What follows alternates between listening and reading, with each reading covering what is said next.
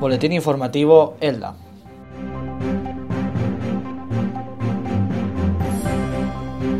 El pasado sábado el Ayuntamiento de Elda ponía fin a la preparación del dispositivo para comenzar con la vacunación masiva de docentes de toda la comarca en las instalaciones del Pabellón Azul.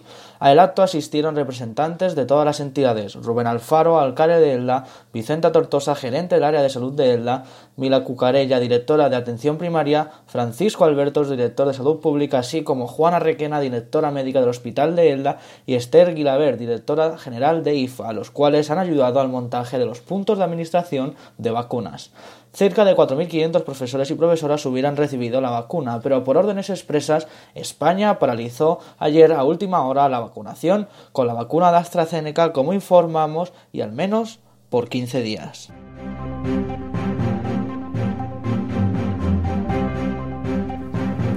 Por otra parte, Servicios Públicos Sostenibles informó ayer que comenzaron los trabajos de reparación del Paseo de la Mora para restablecer el paso de vehículos. Según han informado, los trabajos servirán para asegurar el firme y el saneamiento y permitir la circulación antes de que se proceda a la renovación y pavimentación definitiva en los próximos meses.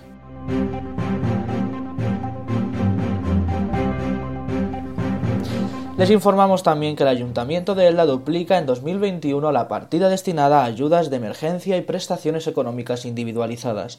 Como ha explicado la concejala del área, Alba García, Bienestar Social contará con un presupuesto de 4,3 millones de euros con un notable incremento de las cantidades destinadas a Cruz Roja, Caritas, Anfi y FESOR, entidades sociales y al servicio de atención domiciliaria.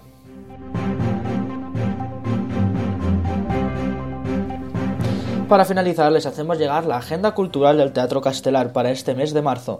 El domingo 21 a las 12 y media, Héctor Alterio y José Luis Merlín presentan Como hace 3.000 años. El sábado 27 a las 7 y media, Mon se sube al Castelar con su arma Canta Bowie. Para terminar, el aula de teatro de la Universidad de Alicante llega a Elda el miércoles 31 a las 8 con el espectáculo Medea.